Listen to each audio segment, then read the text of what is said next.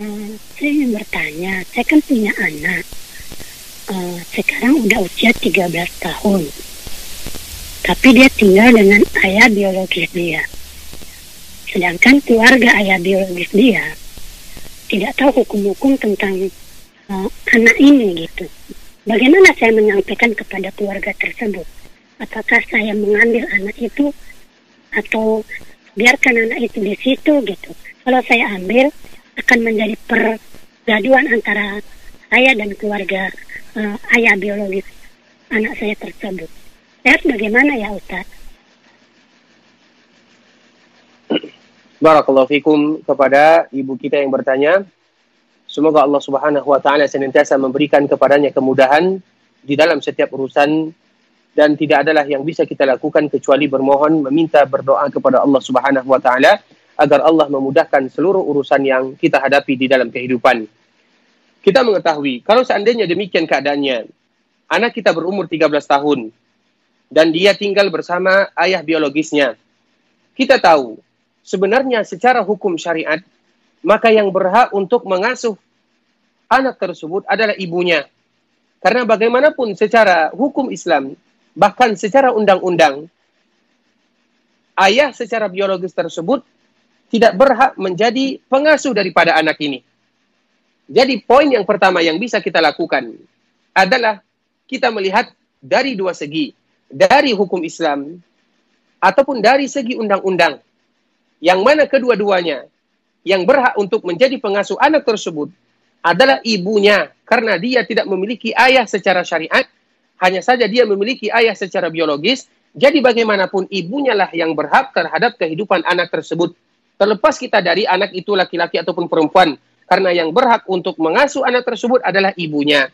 Jadi poin yang pertama yang bisa kita sampaikan terutama kepada ibu kita semoga Allah menjaganya dan memberikan keberkahan kepadanya dan kepada keluarganya adalah untuk mungkin mengambil hak anak asuh tersebut sehingga dia bisa mengajarkan mengajarkan tentang agama, mengajarkan pendidikan yang terbaik dan itu butuh perjuangan dari seorang ibu dan dia berusaha dan di antara usaha yang bisa dia lakukan adalah bermohon dan berdoa kepada Allah Subhanahu wa taala kemudian melalui jalur-jalur yang telah ditentukan atau prosedur yang telah disebutkan oleh pemerintahan setempat karena bagaimanapun terutama di daerah kita Malaysia mereka masih kuat di dalam menerapkan seperti ini maka yang berhak untuk menjadi hak asuh tersebut adalah ibunya karena dinisbatkan dan itu adalah ibunya yang paling berhak terhadap dirinya. Kemudian poin yang kedua, kalau seandainya ada suatu hal yang memungkinkan atau mungkin kita tidak bisa mengasuhnya, mungkin kita tidak bisa mengasuhnya, mungkin kita senantiasa berkomunikasi dengannya, atau misalnya kita meminta waktu dengannya setiap hari misalnya, atau dalam satu pekan berapa hari misalnya kita bertemu di suatu tempat, bertemu di masjid, kita ajarkan kepadanya tentang agama Islam. Karena bagaimanapun kewajiban kita sebagai orang tua menunjukkan kepada anak kita dan kita menginginkan agar anak kita itu adalah anak yang saleh dan salehah. Dan kita menginginkan agar mereka lah yang akan nantinya berbakti kepada kita kepada kepada kita selaku orang tuanya. Dan kita tidak menginginkan aset yang terindah ini hilang dari kita. Dan kita tidak tahu, kalau seandainya betul-betul ayah biologisnya tidak tahu tentang agama, maka akan terjadi sesuatu yang akan membuat kita sedih. Terutama yang paling menyedihkan kita ketika mereka jauh dari agama Allah Subhanahu wa taala. Karena bagaimana mungkin seorang anak bisa berbakti kepada orang tuanya kalau mereka tidak tahu tentang agama? Mereka yang berbakti kepada orang tuanya, mereka yang mengetahui hak dan kewajiban sebagai seorang hamba adalah mereka yang tahu tentang agamanya. Sehingga kita kembalikan kepada poin yang pertama, apabila kita betul-betul ingin mengajarkan kepada anak tersebut tentang agama, dan orang tuanya secara biologis atau ayah biologisnya tidak mungkin bisa mengajarkan agama tersebut atau mereka jauh dari agama Allah Subhanahu wa taala, maka kita kembalikan kita berusaha untuk mengambil hak anak asuh tersebut yang mana itu merupakan secara syariat diperbolehkan, begitu juga secara undang-undang kita dianjurkan dan bahkan dinisbatkan kepada kita.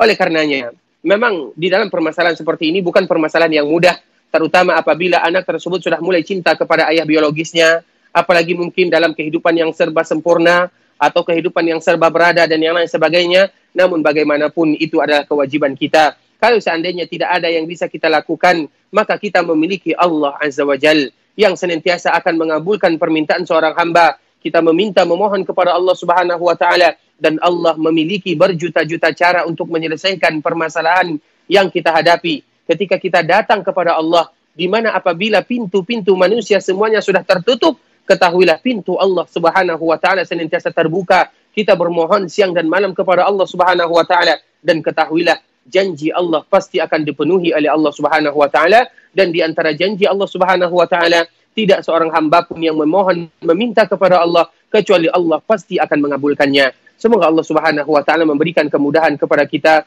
terutama di dalam mengurus anak-anak kita karena yang kita inginkan adalah bagaimana supaya mereka menjadi anak yang berbakti, anak saleh dan salehah dan yang kita inginkan adalah bagaimana supaya mereka mendoakan kita ketika kita nanti dipanggil oleh Allah Subhanahu wa taala dan itu semua tidaklah bisa kita lakukan kecuali mengajarkan kepada kita atau mengajarkan kepada mereka dan memperkenalkan kepada mereka tentang agama Allah Subhanahu wa taala. Barakallahu fikum wa jazakumullahu khairan.